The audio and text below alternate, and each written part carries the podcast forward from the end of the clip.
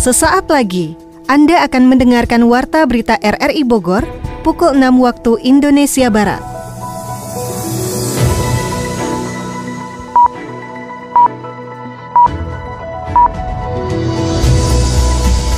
Selamat pagi, salam jumpa. Kami kembali hadir dalam Warta Berita Pagi ini, edisi Selasa 3 Januari 2023. Siaran ini dapat Anda dengarkan melalui audio streaming RRI Playgo pada perangkat Android Anda, serta turut disiarkan Radio Tegar Beriman Kabupaten Bogor. Berikut kami sampaikan berita utama.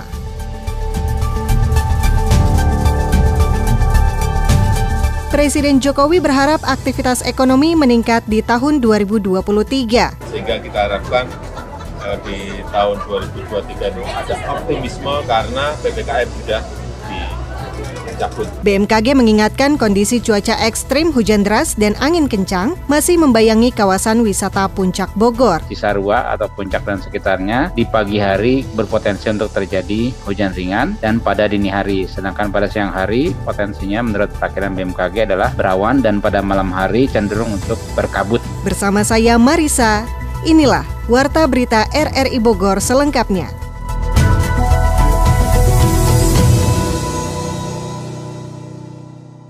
Presiden Joko Widodo mengawali tahun baru 2023 dengan menyambangi Pasar Tanah Abang Jakarta Pusat Senin 2 Januari 2023. Kunjungan ini dilakukan setelah Presiden meresmikan dibukanya perdagangan Bursa Efek Indonesia. Presiden Jokowi mengaku ingin melihat langsung pasar agar ada optimisme yang muncul kembali untuk tahun 2023 setelah Indonesia mampu melewati badai pandemi dan ancaman resesi pada tahun 2022. Ya, saya ingin melihat sektor real itu bergerak seperti apa, karena ini adalah uh, pasar bagi produksi-produksi yang ada di daerah-daerah. Kalau di sini turun, di sini berhenti, artinya produksinya juga berhenti juga turun. Saya melihat dan ingin agar uh, optimisme itu kembali di tahun 2023 karena di tahun 2022 juga sebuah tahun yang tidak mudah sebelumnya juga jauh dari kemudahan sehingga kita harapkan eh, di tahun 2023 ini ada optimisme karena PPKM sudah dicabut. Tidak hanya pasar eh, Tanah Abang saja, tapi juga pasar 16 Ilir di Palembang, pasar Terong di Makassar, pasar Beringharjo di Jogja, pasar Turi di uh, Surabaya, pasar Johar di Semarang, pasar baru di Bandung, pasar Gede Bage di Bandung, semuanya kita harapkan muncul optimisme karena PPKM sudah dicabut dan tadi saya, saya bertanya ke beberapa pedagang juga menyampaikan tahun 2022 kemarin omsetnya jauh lebih baik dibanding tahun 2021. Kita harapkan 2023 juga lebih baik dari tahun 2022. Optimisme Jokowi didasarkan atas keputusannya mencabut pemberlakuan pembatasan kegiatan masyarakat atau PPKM. Kepala negara mengatakan optimisme pasca pencabutan PPKM bisa ia rasakan di pasar-pasar besar lainnya di sejumlah kota lain. Ikatan Dokter Indonesia IDI Kota Bogor mengingatkan masyarakat tetap waspada meski status pemberlakuan pembatasan kegiatan masyarakat atau PPKM telah dicabut. Laporan Adi Fajar Nugraha. Ikatan Dokter Indonesia di Kota Bogor turut merespon kebijakan pencabutan status PPKM yang diambil oleh pemerintah pusat. Ketua IDI Kota Bogor, Dr. Ilham Saidir, menegaskan meski status PPKM telah dicabut, namun masyarakat tetap harus waspada. Faktor kesehatan dan keselamatan tetap penting dikedepankan, yang selama ini masyarakat telah melaksanakan protokol kesehatan harus menjadi bagian dari budaya baru. Jadi menurut saya yang paling baik adalah tetap waspada. Masker itu pada kondisi seperti ini justru harus digencarkan dengan adanya juga hand sanitizer, hand sanitizer yang itu dari sana. Kalau jaga jarak sulit ya, karena pasti mobilitas tinggi itu akan menjadi kepadatan. Ya jangan menganggap remeh bahwa ini sudah tidak ada. Karena kita tidak tahu apa yang akan terjadi di depan. Waspadaan adalah suatu kondisi harga mati yang harus dilakukan jika kita ingin negara kita yang kita cintai ini benar-benar aman dari berjangkitnya coronavirus. Dr. Ilham Haidir yang juga di RUT RSUD Kota Bogor mengungkapkan, saat ini bed occupancy rate atau BOR di rumah sakitnya terus menurun.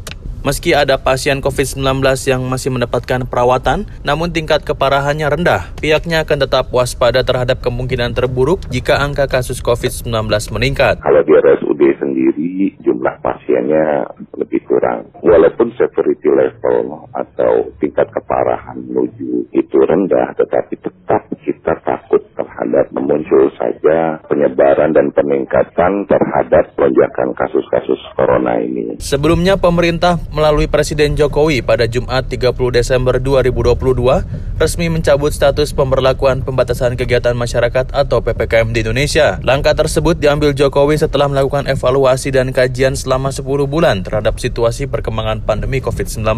Presiden Jokowi juga menyebut bahwa kebijakan pencabutan PPKM diambil karena semua indikator sudah di bawah standar WHO. Hal ini menjadi penanda bahwa status pandemi segera berpindah menjadi endemi.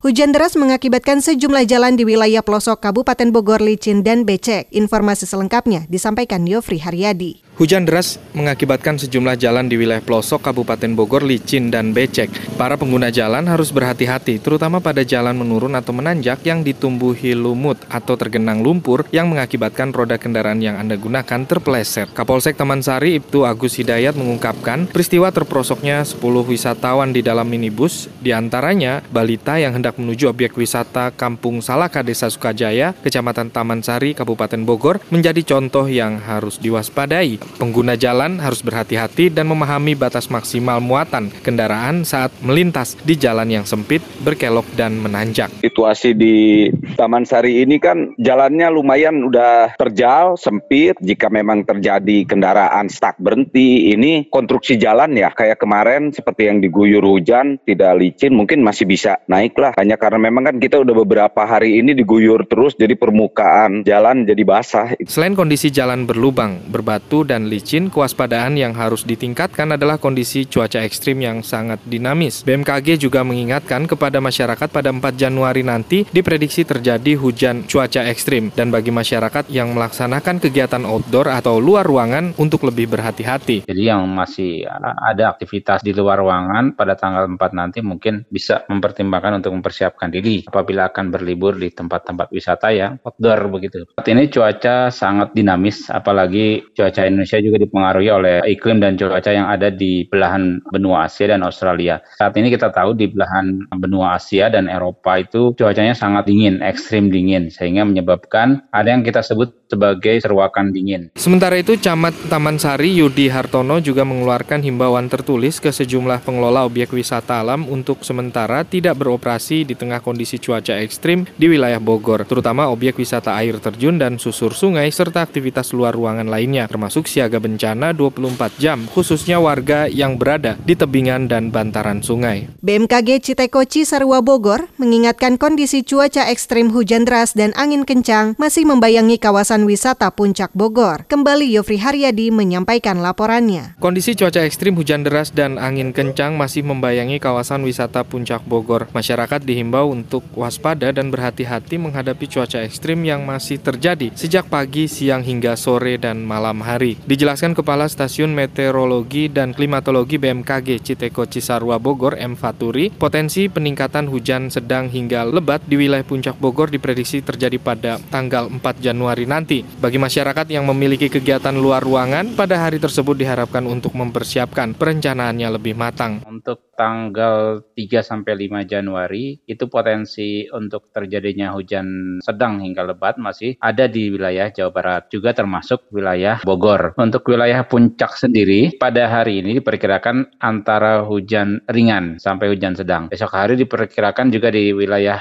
Cisarua atau Puncak dan sekitarnya di pagi hari berpotensi untuk terjadi hujan ringan dan pada dini hari. Sedangkan pada siang hari potensinya menurut perakiran BMKG adalah berawan dan pada malam hari cenderung untuk berkabut cuacanya berkabut. Kondisi cuaca di Bogor sangat dinamis karena dipengaruhi iklim di belahan Asia dan Australia. Sementara itu di belahan Asia dan Eropa saat ini berada pada puncak musim dingin menyebabkan cerukan dingin mengalir ke udara dari Tibet hingga ke selatan Karimata serta Jawa, bagian selatan dan utara. Kondisi inilah yang menyebabkan secara umum cuaca ekstrim di Pulau Jawa termasuk Bogor di dalamnya akan terjadi hingga pertengahan dan akhir Februari nanti. Ini puncak musim hujan, artinya dalam arti kata curah hujan tertinggi hariannya atau dasarian ya dalam waktu 10 harian. Memang untuk wilayah puncak sendiri di bulan Desember dan Januari ini dari segi klimatologis masih masih berpotensi untuk terjadi curah hujan yang sangat tinggi. Namun diperkirakan di Februari akan makin menurun intensitasnya. Tidak hanya ancaman bencana hidrologi saja, akibat cuaca ekstrim dan hujan deras serta genangan air juga mempengaruhi kondisi kesehatan serta menyebarnya penyakit di antaranya flu, diare, dan demam berdarah. Kepala Stamet BMKG Citeko menghimbau kepada masyarakat untuk waspada dan siaga. Sementara itu, BPBD Kabupaten Bogor mengingatkan potensi bencana banjir dan longsor bagi masyarakat yang bermukim di daerah aliran sungai atau DAS. Laporan Adi Fajar Nugraha. Badan Penanggulangan Bencana Daerah BPBD Kabupaten Bogor meminta masyarakat untuk siaga dalam menghadapi cuaca ekstrim di awal tahun 2023. Kepala Pelaksana BPBD Kabupaten Bogor Yani Hasan menyebutkan, salah satu wilayah yang harus meningkatkan kewaspadaannya ialah bantaran sungai yang sensitif saat terjadi hujan lebat. Sejauh ini, pantauan alat pendeteksi debit air di bantaran sungai yang ada di Kabupaten Bogor masih relatif aman. Namun petugas terus berjaga untuk melakukan deteksi dini saat hujan turun dengan intensitas yang cukup lama.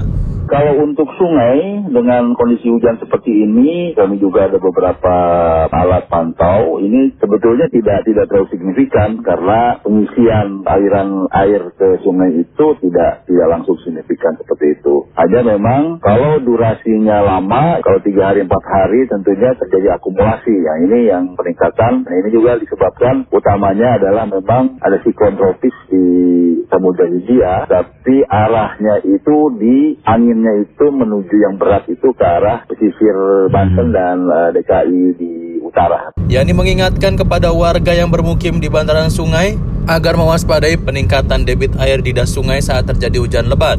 Pihaknya juga telah berkoordinasi dengan aparat kewilayahan untuk menyiapkan mitigasi bencana jika terjadi banjir ataupun longsor saat cuaca buruk melanda. Apabila terjadi hujan yang memang terus-menerus lebat, artinya bisa diperkirakan sendiri lah lebat selama 3 jam. Nah ini yang menyebabkan potensi banjir, potensi longsor seperti itu. Sehingga masyarakat yang memang ada di daerah tersebut agar bersiap-siap lah. Ya mohon maaf kalau misalnya lagi malam, ya terpaksa harus mengungsi ke tempat yang atau bersiaga untuk ke tempat yang lebih aman. Kami juga sudah menyampaikan ke camat-camat untuk menyiapkan tempat-tempat yang memang bisa dilakukan untuk evakuasi seperti itu. Cuaca ekstrim yang terjadi dapat berpotensi menimbulkan bencana hidrometeorologi berupa banjir, hujan es, tanah longsor, angin kencang, dan puting beliung. Sebagai wilayah zona merah rawan bencana, seluruh stakeholder dan masyarakat di Kabupaten Bogor harus melakukan mitigasi di lingkungannya masing-masing guna mengurangi dampak jika terjadi bencana alam.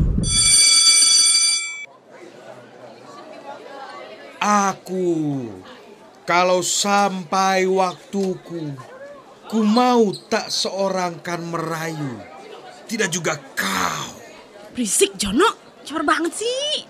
Muka sangar kok bacanya puisi, sopu jangga. Shh, diam Hayati.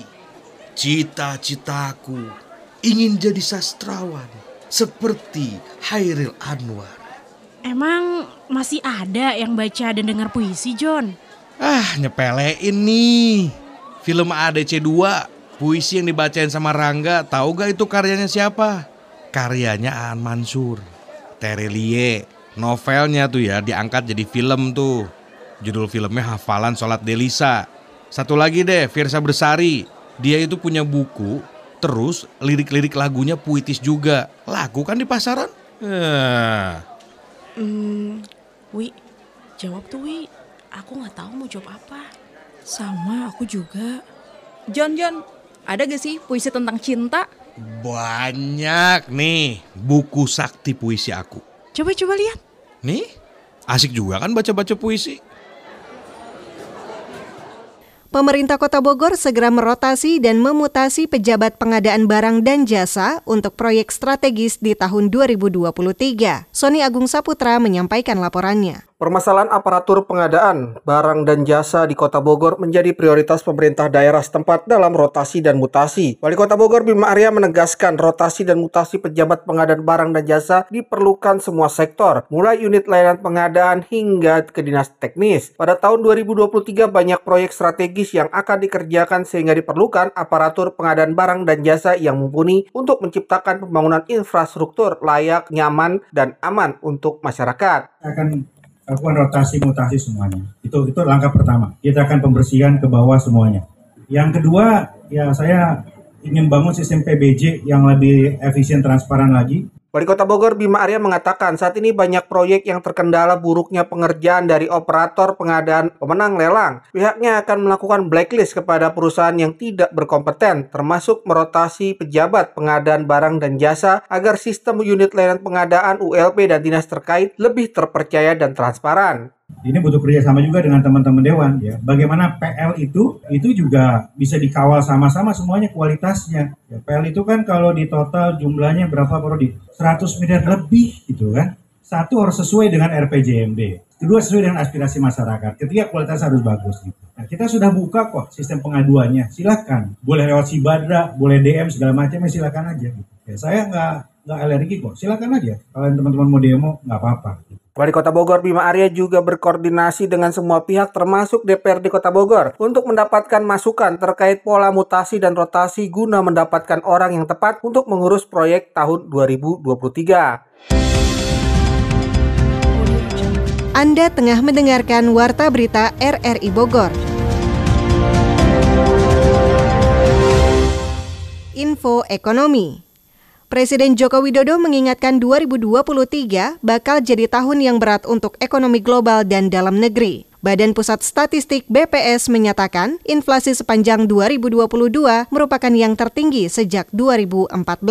Info ekonomi selengkapnya disampaikan Adi Fajar Nugraha. Presiden Joko Widodo memastikan ekonomi Indonesia di tahun 2022 tumbuh di atas 5 persen. Tahun baru 2023 ini juga ditargetkan pertumbuhan ekonomi bisa tumbuh jauh di atas 5%. Saat membuka perdagangan pertama di Bursa Efek Indonesia tahun 2023 pada Senin pagi, Jokowi mengatakan 2023 bakal menjadi tahun yang berat untuk ekonomi global dalam negeri.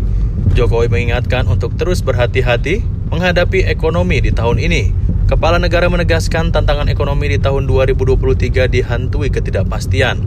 Hal tersebut menurutnya tak bisa diperhitungkan dengan baik agar ekonomi dalam negeri bisa tumbuh sesuai harapan. Terakhir, pertumbuhan ekonomi Indonesia di tahun 2022 sendiri terus mengalami kenaikan dari kuartal ke kuartal. Di kuartal 1 2022, pertumbuhan ekonomi tercatat di level 5,01 persen. Lalu kuartal 2 2022 di level 5,44 persen. Kemudian pertumbuhan ekonomi nasional pada kuartal 3 2022 kembali tercatat meningkat. Pertumbuhan ekonomi tercatat di level 5,72 persen. Badan Pusat Statistik BPS menyatakan inflasi sepanjang 2022 merupakan yang tertinggi sejak 2014. Inflasi Desember 2022 sebesar 0,66 persen secara bulan ke bulan dan secara tahunan 5,51 persen. Kepala BPS Margo Yono mengatakan, pada 2014 inflasi tercatat 8,36 persen secara tahunan Penyebab tingginya inflasi sama, yakni dikarenakan adanya kenaikan harga bahan bakar minyak atau BBM. Pada 2022, penyumbang utama inflasi tahunan di antaranya komoditas bensin, bahan bakar rumah tangga, dan tarif angkutan udara dengan andil masing-masing 1,15 persen, 0,30 persen, dan 0,27 persen. Kemudian diikuti beras, rokok kretek filter, telur ayam ras, dan kontrak rumah. Seperti diketahui pada September 2022, Pemerintah menyesuaikan harga BBM bersubsidi di mana Pertalite naik 30,72 persen, Solar naik 32,4 persen, dan Pertamax naik 16 persen. Informasi olahraga Victor Axelsen menjadi penerima hadiah uang terbanyak dari rangkaian BWF World Tour 2022 Pengurus Cabang Persatuan Sepak Takraw Indonesia Kabupaten Bogor bertekad tingkatkan prestasi sepak takraw di tahun 2023. Informasi olahraga selengkapnya disampaikan Ermelinda. Jajaran pengurus cabang Persatuan Sepak Takraw Indonesia PSTI Kabupaten Bogor ingin lebih meningkatkan prestasi sepak takraw di Bumi Tegar Prima di tahun 2023 ini. Ketua Pengca PSTI Kabupaten Bogor periode 2021-2025 Didi Furkon mengatakan, sebagai ketua harus selalu bersinergi bersama pengurus lainnya untuk bisa meningkatkan prestasi sepak takraw Kabupaten Bogor ke depannya. Walaupun dalam perhelatan Porprov 2022 lalu timnya belum bisa memberikan yang terbaik, namun Didi optimis ke depan khususnya menata Jakarta Porprov 2026. Ia yakin timnya mampu memberikan prestasi terbaiknya, apalagi penyelenggaraannya akan dilakukan di Kota Bogor. Bahkan Didi menjelaskan jika seluruh atlet binaannya adalah asli atlet Kabupaten Bogor, sehingga dengan pembinaan yang baik, tentunya ini menjadi sebuah aset yang luar biasa ke depannya bagi Kabupaten Bogor. Asalkan tadi pembinaan, skill ditambah, suplemennya ada.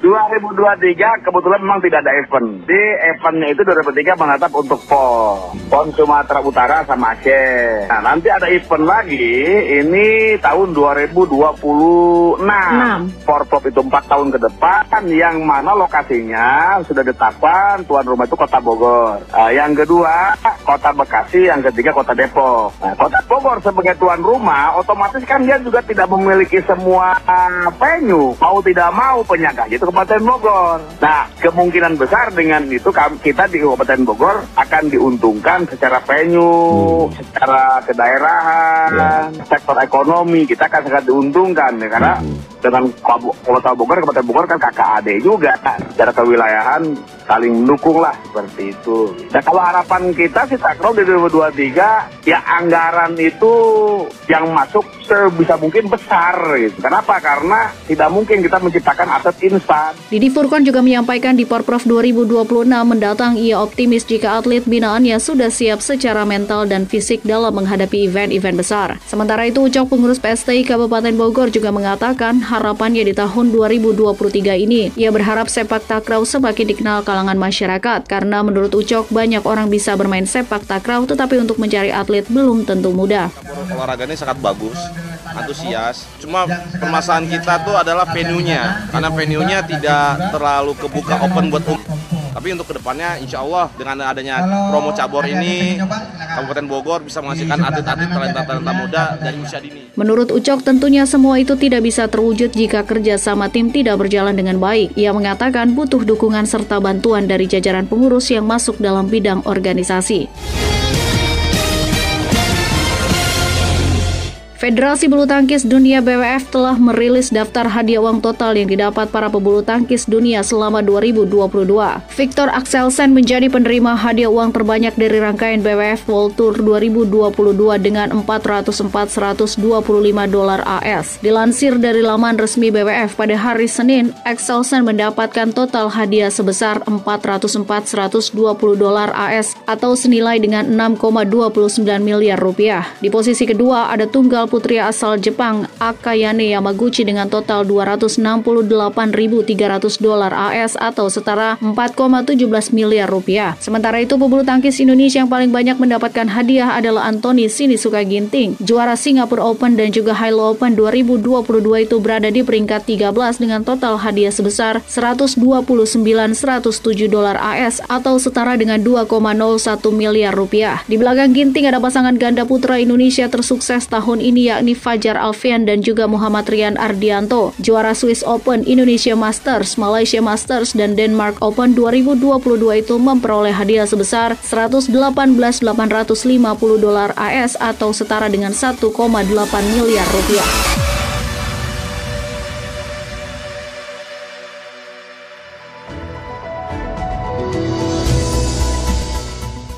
Demikian informasi yang dapat kami sampaikan, dan berikut kembali kami sampaikan berita utama hari ini.